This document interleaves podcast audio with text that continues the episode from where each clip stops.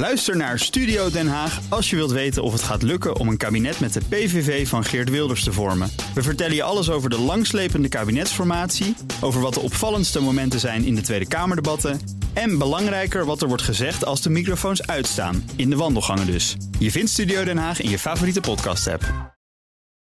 Auto-update. En daar gaan we naar de onvervalste Nout Broekhoff van de Nationale Autoshow. Nout, goedemorgen. Goedemorgen, Bas. We beginnen met een overzicht. eh, dit overzicht met Tesla. Want steeds meer rijders van het merk Tesla sluiten zich aan bij een Nederlandse stichting.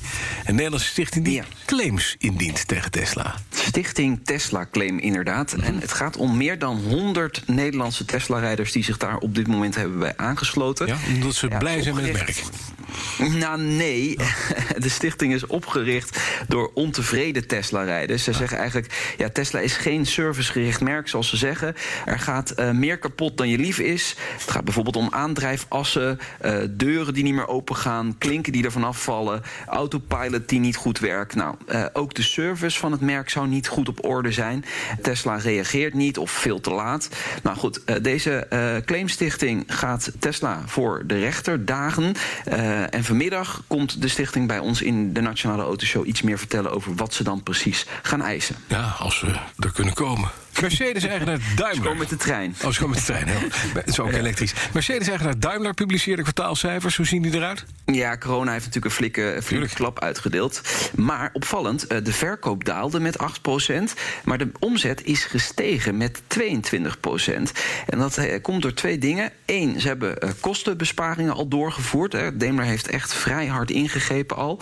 Twee, de autoverkoop in China trekt aan. En daar kan Daimler en Mercedes dus veel verkopen. Ja. Dus Daimler is nu ook een stuk positiever over dit jaar. De verwachtingen zijn verhoogd. Het bedrijfsresultaat zou zel- zelfs net zo groot kunnen worden als vorig jaar. Dus eh, ze kijken nu heel anders tegenaan naar het derde kwartaal. Dat blijkt maar weer. Dan over Mercedes gesproken. Formule 1-coureur Lewis Hamilton heeft, eh, ook al staat hij vlak aan de vooravond van de Grand Prix in Portugal, nog steeds geen nieuw contract getekend. Nee, het huidige contract loopt 31 december af, Bas. En eh, ja, er is nog geen nieuwe krabbel gezet. Ja, eh, het schijnt een formaliteit te zijn. Hoewel, kijk, Hamilton zegt nog geen beslissing te hebben genomen. Het heeft natuurlijk met een paar dingen te maken. Ik denk één, geld. Ehm, twee, geld, Geld? denk Ja, ik ja. ook. Ik denk Ja. ook de derde dat het ook over geld gaat. Ja. Ja, dat denk ik ook, dat het Ja. dan ook wel om geld gaat. Dus, nou ja, kijk, we hebben het net over Daimler. Het gaat opeens veel beter met Daimler. Daimler. Maar ja, het gaat waarschijnlijk toch vooral om het geld. Hij wil ook niet een driejarig contract tekenen... want er gaat natuurlijk een hoop veranderen in de Formule 1 de komende jaren. Mhm. Volgend jaar nog niet, maar het jaar erna wel. Zij wil natuurlijk ook niet te lang vastzitten bij een team... als dat team straks toch niet zo goed blijkt te zijn als het is. Dus eh, nou, hij onderhandelt in ieder geval niet met andere teams op dit moment, zegt hij. Hij wil eh, eerst die wereldtitel binnenhalen, de zevende... Ja. en dan kan hij waarschijnlijk nog net even iets meer vragen. ja, en als hij deze, dit weekend weer een Formule 1 Grand Prix pakt, dan heeft hij het absoluut record. Ja, absoluut. Ja, zeker. Dan gaat het iets beter met de verkoop van bestelauto's in Europa. Ja, de verkoop Ja. is in september met 13% gestegen. Ja. Maar het loopt nog wel altijd ver achter hoor. Er werden tot dusver een kwart minder bedrijfswagens verkocht in Europa dit jaar. Maar dat is wel een heel crisisgevoelige markt. Dus als die markt straks weer aantrekt, dan weet je dat het ook weer goed gaat. Ja. Dus dat is ook wel fijn. Ja, precies. Dus dat is zegt iets over de economie, hè? Absoluut. Absoluut. Ja. Het is alleen jammer dat we dat meteen terugzien in al die witte busjes op de snelweg. Die te hard rijden. Tot slot, nieuws over Fisker, het merk van autoontwerper Hendrik Fisker. Ja, legendarische autoontwerper natuurlijk. Hè. De, de, de Aston Martin heeft hij gezeten, heeft de Fisker Karma ontwikkeld en eh, op de markt gebracht. Nou, de, de Ocean, dat is een elektrische SUV, daar Ja, komt hij mee. Dat, mooi ding. Wat vind je ervan? Ik vind het leuk, een hè? Het is prachtig mooi ding. auto. Ja, Ja, ik ook.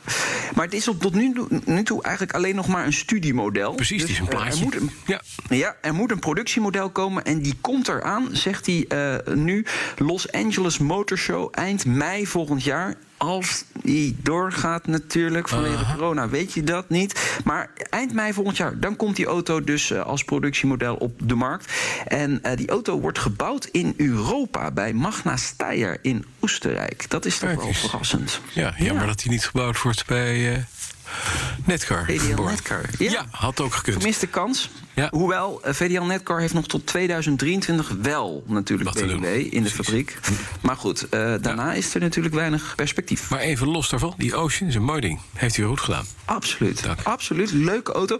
En het wordt een beetje de nieuwe Elon Musk, heb ik het gevoel. Hendrik Fisker is ook groot op Twitter. Hij twittert ook heel erg veel.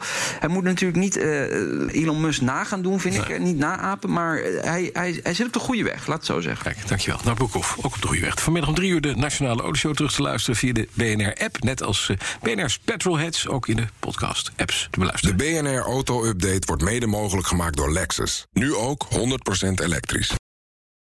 Ook Hugo Reitsma vind je in de BNR-app. Superhandig die BNR-app. Je kunt alle programma's live luisteren, breaking nieuwsmeldingen. Je blijft op de hoogte van het laatste zakelijke nieuws. En je vindt er alle BNR-podcasts, waaronder natuurlijk de belangrijkste, Boeken zijn in de wijk. Download nu de gratis BNR-app en blijf scherp.